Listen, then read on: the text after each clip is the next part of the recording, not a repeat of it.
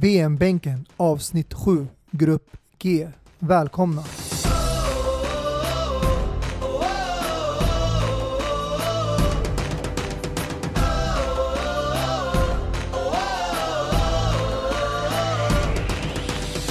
Give me freedom, give me fire. Yes, då har vi börjat närma oss slutet och vi har kommit till grupp G där vi har Belgien, England, Tunisien och Panama. Och eh, vi kan ju börja direkt med eh, Belgien där Roberto Martinez och Thierry Henry har tagit ut en eh, trupp på 23 man. Och Mustafa, du har ju lite mer koll på den truppen. Ja, eh, det här är ett lag som eh, jag tror inte bara jag, men hela världen kanske har haft eh, ögonen på de senaste åren. De har ju växt som nation och fått fram väldigt många fina spelare som ja, är en av de bästa spelarna i sina egna klubbar. Och eh, nu får de spela tillsammans. Jag tyckte att de gjorde ett helt okej EM-mästerskap senast. Men eh, jag ser fram emot att se dem spela nu. Ibland påminner de lite om Elfenbenskusten i Afrika som hade ett lag full av stjärnor men inte lyckades åstadkomma någonting stort. Men jag tror det här laget, speciellt med en assisterande tränare som eh, Thierry Henry där som eh, är ju en före detta spelare och stor legend, kan faktiskt eh, komma fram och eh, producera någonting. Mm. Mm. Eh, Abbas, det, det var ju ändå ett Belgien som hade en ganska lätt grupp i eh, VM-kvalet. Mm. Och eh, är tredje rankat i världen. Är det någonting du tycker den här truppen speglar? En tredje rankning? Eh, absolut inte. Det, jag visste inte ens att de var tredje rankade. Men eh, det de har visat i gruppen då, kvalgruppen, det, det är ett tredje rankat lag då. För de, har, eh, de gick ju obesegrade och vann eh, nio, alltså hade nio vinster och en oavgjort, alltså på tio matcher. Så det är väldigt bra och eh, målskillnaden 43-6. Alltså 6 insläppta och 43 gjorda mål. Så det Mm. här är ett lag som kan producera väldigt mycket och är alltså bra individuellt. Frågan är om de håller ihop och eh, som Mustafa sa, de gjorde förvisso ett bra EM 2016 där de kom till kvartsfinal. Men borde de inte åk, eh, liksom fortsatt till semifinal då de åkte ut mot Wales? Mm. Så det är det jag menar, de kanske borde spetsa till lite i truppen direkt. Sådär. Okej, Mustafa, tycker du att eh, deras tredje plats framför lag som Portugal, Argentina, Frankrike, Spanien för den delen också, England, att de förtjänar den platsen? Ja, eftersom eh, världsplacering baseras ju inte på hur många mästerskap du har vunnit. Eller eh, hur många, alltså långt du har kommit i tidigare EM eller VM. Man utgår ju från de senaste åren och eh, som Abbas nämnde, där har Belgien visat kvalitet.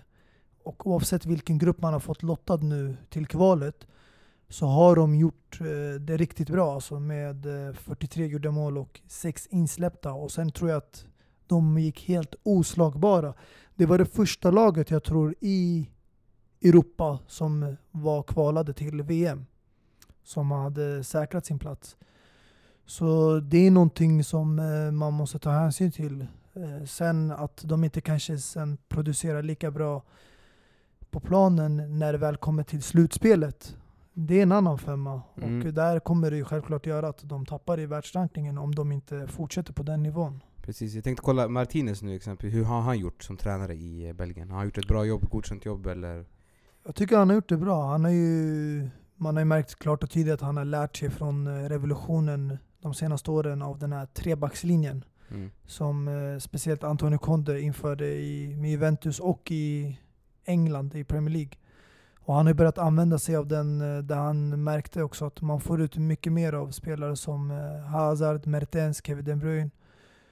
Och han vågar också spela väldigt offensivt för han sätter en eh, Yannick Carrasco Mm. på kanten när de spelar den här trebackslinjen som en ytterspelare då. Mm. Och han har inte direkt eh, bästa defensiva kvaliteterna. Och den andra kanten vet jag inte, det är rotation där. brukar vara Jordan Lukaku. Eh, Sen har de också Munier från PSG. Så jag tycker de har ett bra lag som de kan arbeta med. Eh, Abbas, vem skulle, du, vem skulle du tro är eh, Belgiens eh, mesta målgörare genom tiderna? Om du fick gissa, om du inte kan det redan. Eh, oj.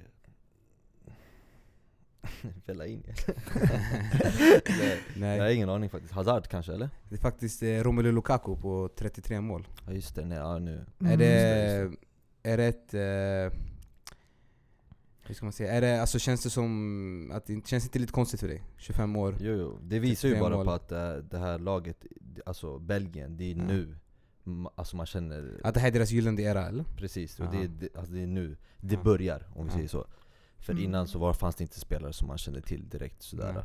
Exakt. Eh, Den som har gjort mest matcher i Belgien också, det är Jan Vertongen. mm. På 99 matcher. Så det är ju inte liksom, det är ju en ganska... Ja, det känns som, det är som du säger, det är guld alltså era för Men Belgien. han är ändå en av få spelare som har varit med sedan början, alltså Jan Vertongen. Ja. Och sen jag tycker inte liksom, vad är det, 33 mål, det är inte så illa. Alltså han är ändå han, 25 år 25 år. gammal, eh, Lukaku. Och många som slutar eh, sin eh, landslagskarriär brukar landa kanske på 50-60 mål. Mm. Så jag tror lätt han kan eh, nå upp till den eh, eh, ja, siffran när han väl är klar med sin karriär. Mm. Eh, Däremot, jag tycker det intressanta var att eh, de har ju tagit med också Hazard, lillebror. Mm. Torgen. Torgan Hazard som eh, konkurrerar med Hazard. Och eh, det visar klart och tydligt att han gjorde det riktigt bra i Bundesliga. Mm. Han blev ju köpt av Mönchengladbach som var tidigare med i Champions League förra året. Men inte det här året. Men eh, de är ett bra lag som helhet. Så han joinar lillebror, eller storebrorsan i Europa League då alltså? Ja, det är där. Och Ja. det enda besvikelsen jag har, det är, och det är en stor besvikelse, det är Raja Nangolan. Ja, jo, För mig han är Belgiens bästa alltså inne mittfält. Eh, då jämför man med offensiva mittfältarna. Och han skulle jag välja framför eh, Moussa Dembele, Witzel och Fellaini. Så det Mm. känns som att det är någonting personligt mellan han och Roberto Martinez där. Exakt, det är en fråga. Vad, eh, vad, är, vad är anledningen att han inte blev uttagen? Ja, går vi ut efter vad eh, Martinez eh, sa så säger han att han inte kan erbjuda Nainggolan samma roll som han har i Roma. Vilket, alltså han växlar ju från mittfältet och offensiv mittfältare. Så sett till det så, det, det spelar ändå ingen roll, du behöver inte ge han just den rollen. Mm. det, det finns jättemånga spelare som, som du har i det här laget som inte har exakt samma, vet du det, på, som spelar i landslaget på exakt samma sätt som, som de spelar i deras klubb då.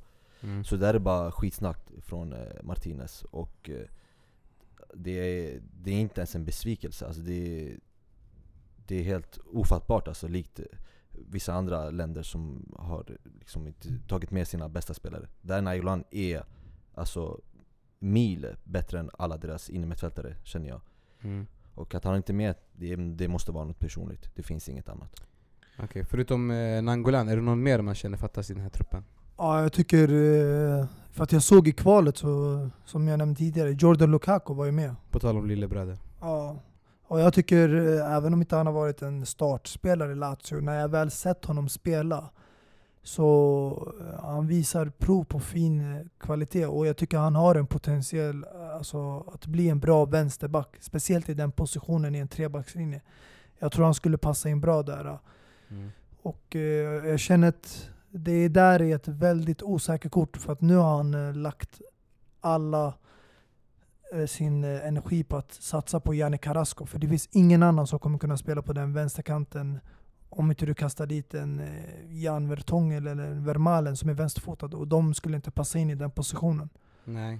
Det är ju det, han är ingen försvarare så att, eh, tror han kan ta den rollen att han spelar i en, i en, eh, ja, i en trebacks, eller en fembackslinje på det sättet. Lukaku menar?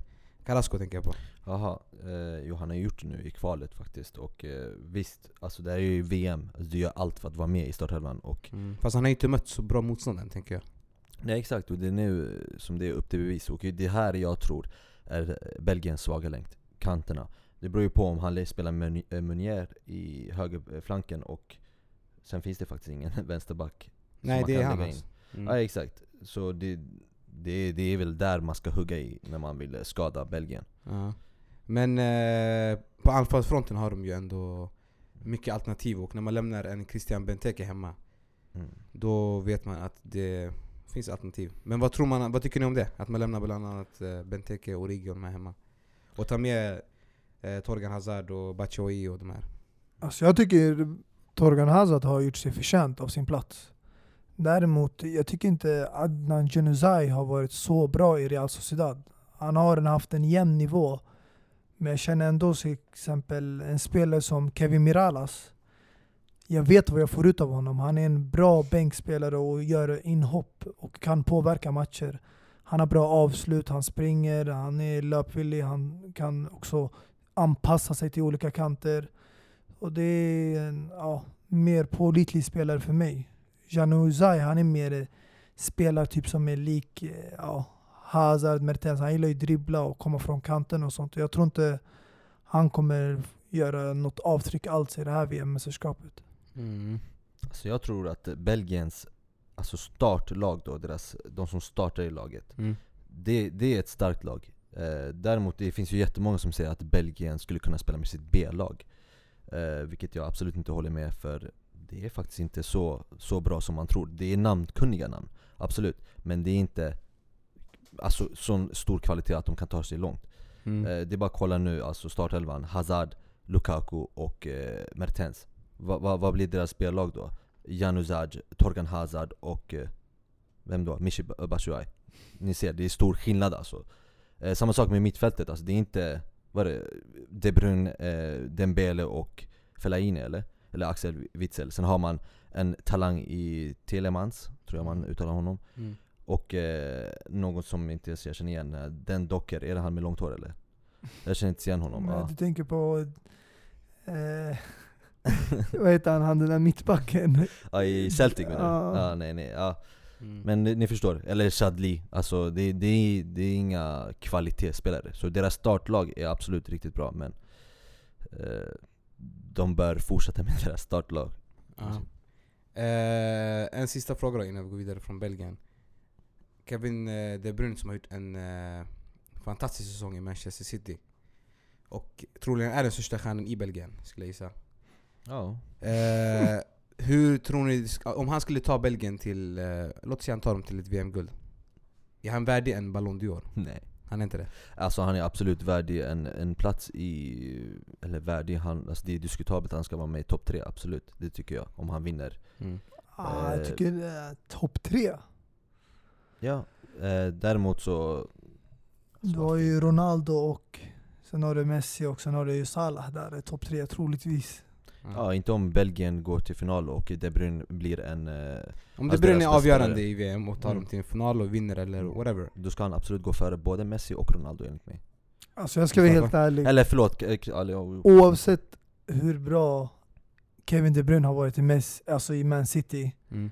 han är inte Belgiens stjärna. Alla vet vem eh, Belgiens stjärna är. Och det är... Och om det är någon som kommer bära dem på sina axlar och ta dem dit, som kan göra skillnaden på plan, det är en spelartyp som är lik Neymar, Ronaldo, Messi, de här. Och vi alla vet vilken Att, spelare att du den vågar är. nämna han i deras Alltså det är inte det är, att man undviker det ämnet, det är bara liksom, eh, Nu var som Abbas brukar säga, patetiskt. ja, För den här spelaren har nummer 10 Ja. och jag tror också han har delat också, han har haft kaptensbinden tillsammans med eh, eh, Jan Vertongen. Så ja, jag behöver inte ens nämna namnet, men är det någon som kommer göra det här påverkan och avtrycket att de tar sig förbi de bästa lagen fram till finalen, då är det han. ja, jag håller med dig, alltså, absolut. Hazard tillsammans med De Bruyne skulle jag nog säga är de som ska göra skillnaden i, i Belgien. Men eh, jag ville bara svara på frågan om, Mm. om De Bruyne blir liksom avgörande för Belgien och tar dem till vinst då, v, eh, alltså vinner VM helt enkelt. Ja. Då tycker jag absolut att han ska vara, gå före Messi och Cristiano, även fast Cristiano vann Champions League. Så jag tycker fortfarande att han borde, äh, borde vara där tillsammans med Salah och kanske Cristiano.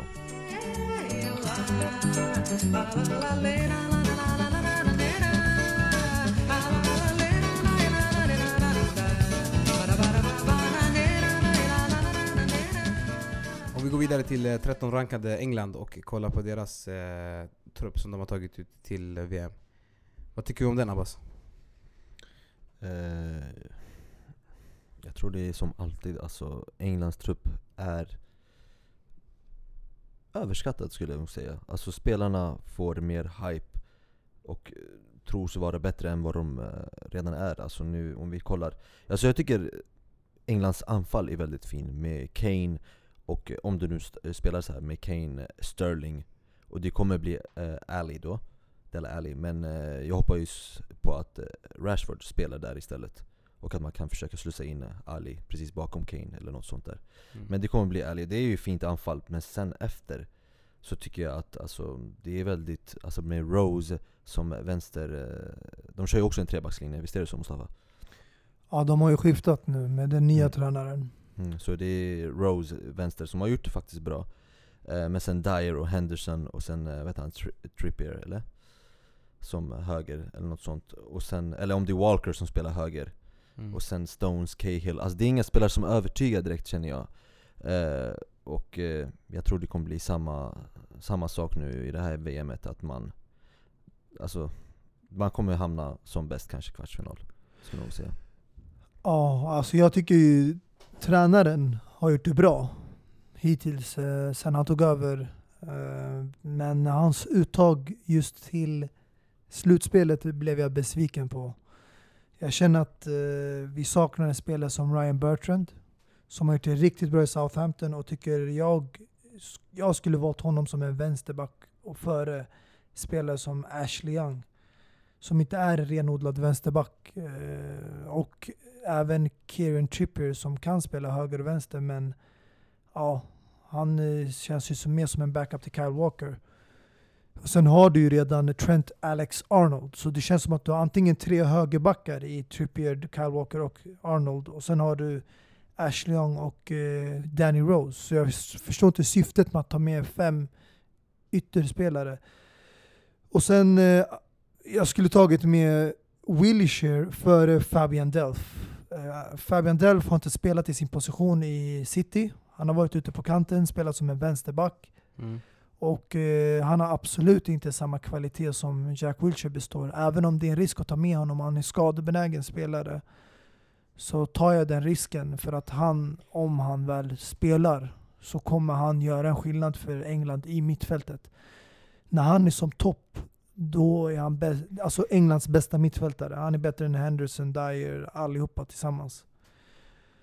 Och där uppe, eh, sorgligt nog så blev Oxlade Chamberlain skadad eh, innan eh, slutet av eh, säsongen och jag tror man hade tagit med honom för eh, Danny Welbeck. Jag tror man hade låtit bara tre centrala anfallare vara i Harry Kane, Jamie Vardy och Marcus Rashford. Mm. Eh, Abbas, när jag ser det här laget, jag tänker för mig själv, vem är stjärnan? Mm. Vad skulle du svara på det? Alltså den är faktiskt nu ganska enkel när man tänker på det. Det är, det är ju lagkaptenen som precis blev utsedd till det. Eh, Harry Kane skulle jag nog säga, för eh, han har ju gjort det riktigt bra i Premier League och har etablerat sig som en av världens bästa anfallare. Och eh, han är den spelaren som ska leda det här laget till vinster. Mm. Eh, och det är därför han eh, fick den här kaptensbilden tror jag också. Men sen så tror jag att det är någon annan spelare som jag hoppas väldigt mycket på tillsammans med Kane. Eh, och det är Sterling faktiskt. För han har ju, även han haft en riktigt fin säsong i Premier League. Eh, där han har gjort en massa mål och assist. Eh, och som kanske också var Citys bästa spelare. Eh, så det, det, är en, det är en fin spelare, så någon av de två absolut. Det är de som ska vara de som ska föra vidare eh, England. Tillsammans med Ali. Alltså man märker ju klart och tydligt på den här tränaren att han försöker få in den nya generationen. Och det är därför han har petat en hel del äldre spelare. Till exempel John Stones den här säsongen har ju knappt spelat för City. Mm. Han blev ju petad av eh, både Company som kom tillbaka från skadan och sen eh, även eh, när man värvade in Laporte i januari. Och sen har ju Otamendi spelat där. Men ändå valde han John Stones före Chris Smalling som har varit nästan en startspelare hela säsongen för United. Mm. Och eh, Chris Smalling är mycket mer rutinerad och erfaren spelare. Varför inte ta det säkra i ett sånt här mästerskap? Men han väljer att satsa på de unga för att visa det här är en ny generation av England. Och jag tror det är det han försöker göra någonting annorlunda än vad de andra tränare. Och om det fungerar eller inte, det kommer vi få se. För att eh, ja, VM-slutspelet är mycket mer utmanande än kvalet. Tycker du att eh, det hade varit eh, smart att ta med Wayne Rooney, deras bästa målgörare? i det här VMet, som ändå har spelat i Everton nu. Jag skulle inte säga att det är fel om man valde Wayne Rooney för Danny Welbeck. Som inte har haft en liksom, bra säsong i Arsenal. Han gjorde det lite bra i slutet, men det var i Europa League. Men eh, annars har han varit ganska osynlig i Premier League. Så Mm. varför inte? Alltså, du har ju även Jermaine Defoe Mm. som har varit en eh, riktigt bra målskytt och alltid ställt upp för England när de har kallat på honom och även levererat när han har fått chansen. Mm. Så jag tycker där är så här kort som man kan ha som en backup på Joker. bänken. Exakt. Och även om det inte, och även om han inte spelar Wayne Rooney då i det här fallet, så tänker jag att han skulle kunna varit en eh, ledare i omklädningsrummet. Exakt. Det är det För jag de tänkte också. också. Spelare som han, Gary Cahill, de här, de behövs. Men han vill ju satsa på unga så vi får se. Han tar ju en stor risk med det. Mm. Han gjorde ju ändå en bra, han gjorde det bra på vägen till VM. Där han eh, fick eh, 26 poäng då på, i slutspelet och eh, hur många matcher vann han Abbas? Vet du det? Du som Ja, brukar ha 26 koll på det här. Ja, nej, 26 poäng, vad blir det då? Det är bara att tänka lite. Snabb matte eller? Alltså de spelade ju Mm. några matcher oavgjort. Men jag tror eh, den eh, stora grejen kanske för honom, Mm.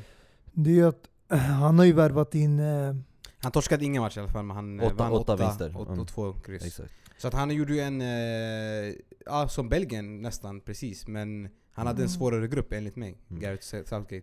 Men det han har gjort också, det är att eh, han har hämtat in hans gamla assisterande tränare.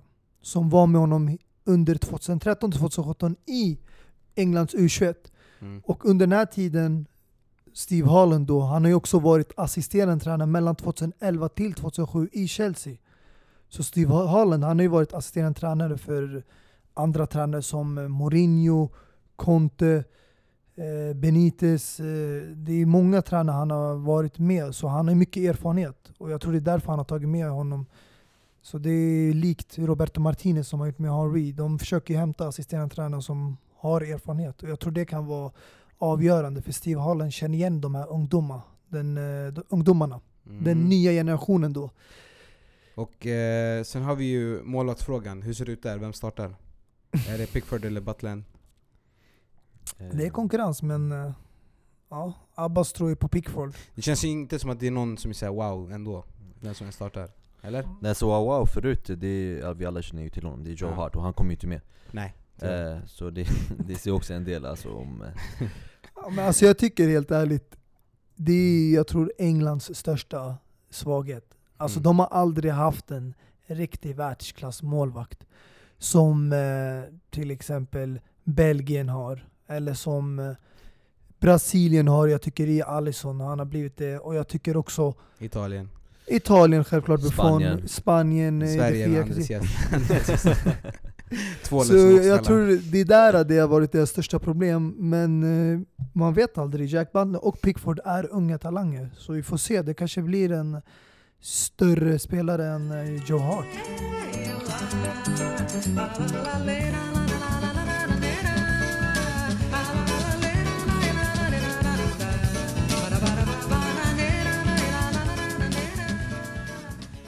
eh, kampen om eh, tredjeplatsen i den här gruppen så har vi ju eh, först Tunisien.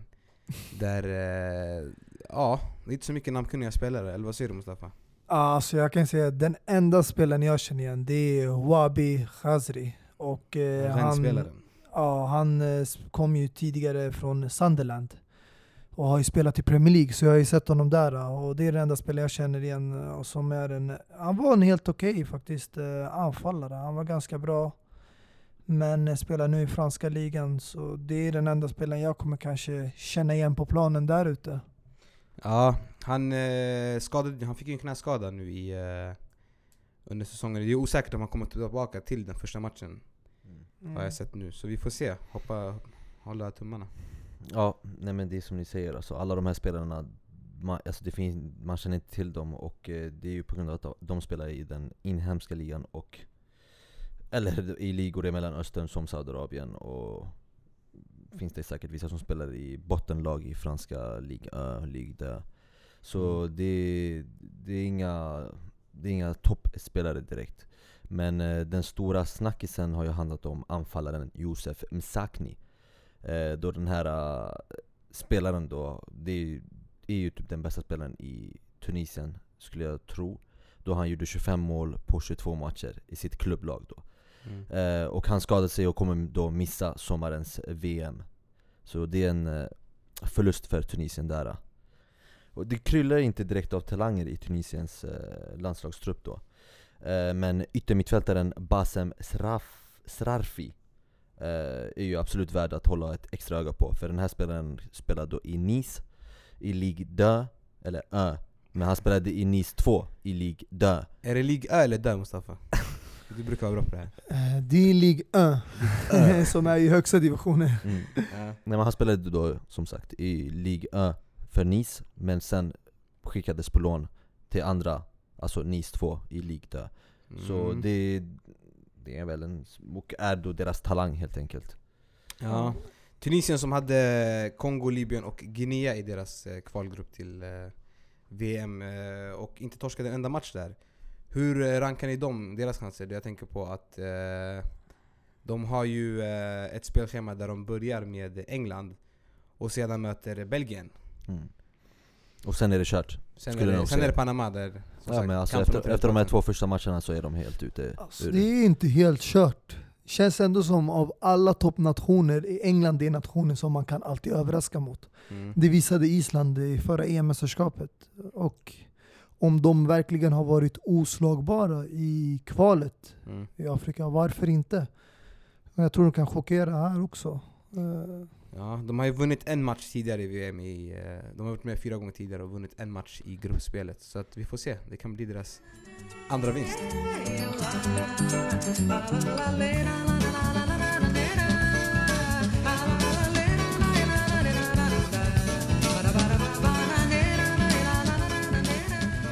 Om vi går vidare till eh, det sista laget, eh, 55 rankade Panama som gör sin debut i VM. Är, är det den lägsta rankingen? Eller? Finns det några som är lägre? Oj, det vet jag faktiskt inte. Det Ja. kan vi kolla upp. Mm. Men eh, i alla fall, de gör sin debut i VM och eh, kommer med kanske den svagaste truppen i VM. Svaga, ja, jag kanske, kanske håller med dig på den svagaste truppen. Men det är faktiskt den äldsta truppen. Eh, och man har en snittålder på 29,4. Eh, så det här är verkligen ett bara lag... skriker rutin alltså. Ja exakt, det här är ett rutinerat lag. Ja. Eh, men trots hela den här rutinen och allt det här, vet någon av er hur de kom till VM? ja, det var ju mot USA som de slog ut. Nej. Det, Det var ju var- mellan dem och USA. Och eh, USA var ju, om de hade lyckats vinna Panama, hade varit nu i Panamas plats i VM. Och det är många som blev lite ledsna över det för att man hade velat se ett land som USA, som man har sett tidigare, ju i liksom VM.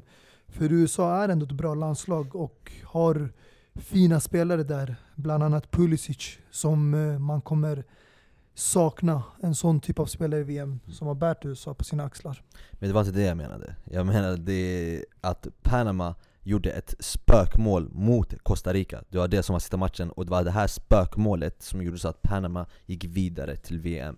Och det är därför USA har en riktigt fet ilska på eh, Panama. Va, vad menar du med spökmål? De gjorde ett... ah, Vet du vad? Eh, Alltså det var på bekostnad av USA, de tog USAs plats. jag kommer lägga upp det här klippet på hur de gick vidare till VM. Eh, bara för att kunna beskriva det nu med ord. Panama, vet, det blev lite, lite grejer som hände i straffområdet och bollen fastnade i mittlinjen typ, där vid målet, och sen sparkade de ut den.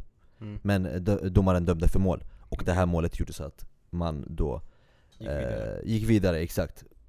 Så det, det är så de tog sig till VM. Lite på samma sätt som eh, Frankrike för några år sedan när eh, Henry eh, tog den med handen och passade in den för att eh, göra mål liksom. Mm. I alla fall, men eh, om vi kollar på deras trupp då. Mm. Ja. Eh, jag kan inte fråga er, känner ni att det är någon som inte ni vet vilka de är i truppen ens.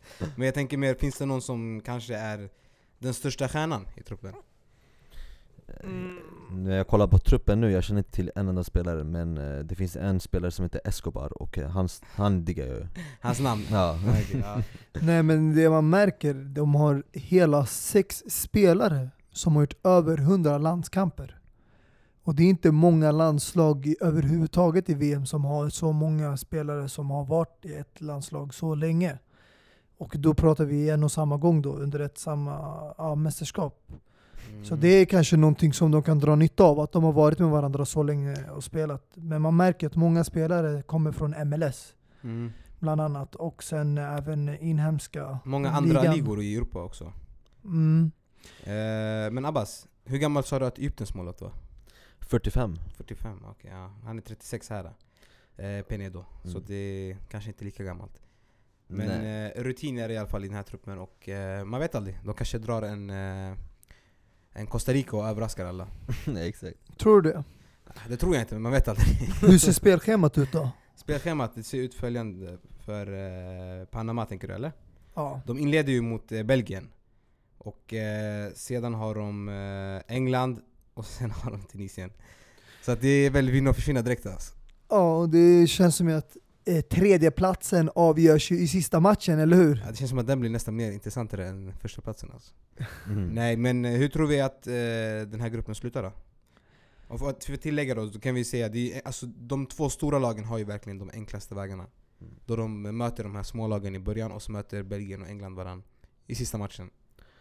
Så vad tror ni? Jag, jag skulle nog säga att det inte finns någon mer självklar eh, grupp än den här. Eh, Belgien och England är givna. De är så givna så det, inte, så det bara skriker om det.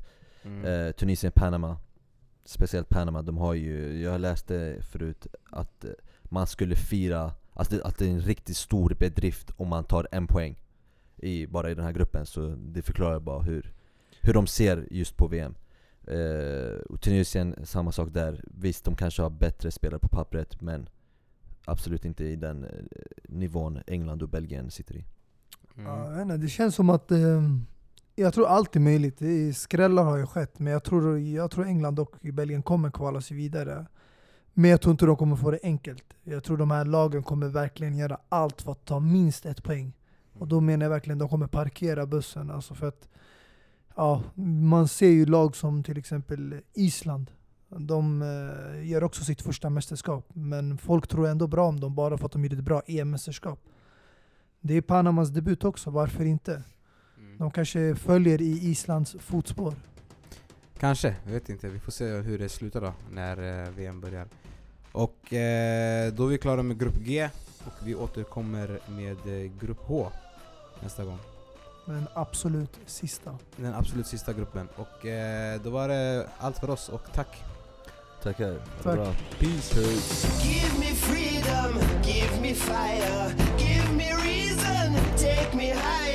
See the champions, take the field now. Unify us, make us feel proud. In the streets, our heads are lifting as we lose our inhibition. Surrounds us. Every nation, all around us, singing forever young singing songs underneath the sun. Let's rejoice in the beautiful game. And together at the end of the day, we all say, when I get older, I will be stronger. They'll call me freedom,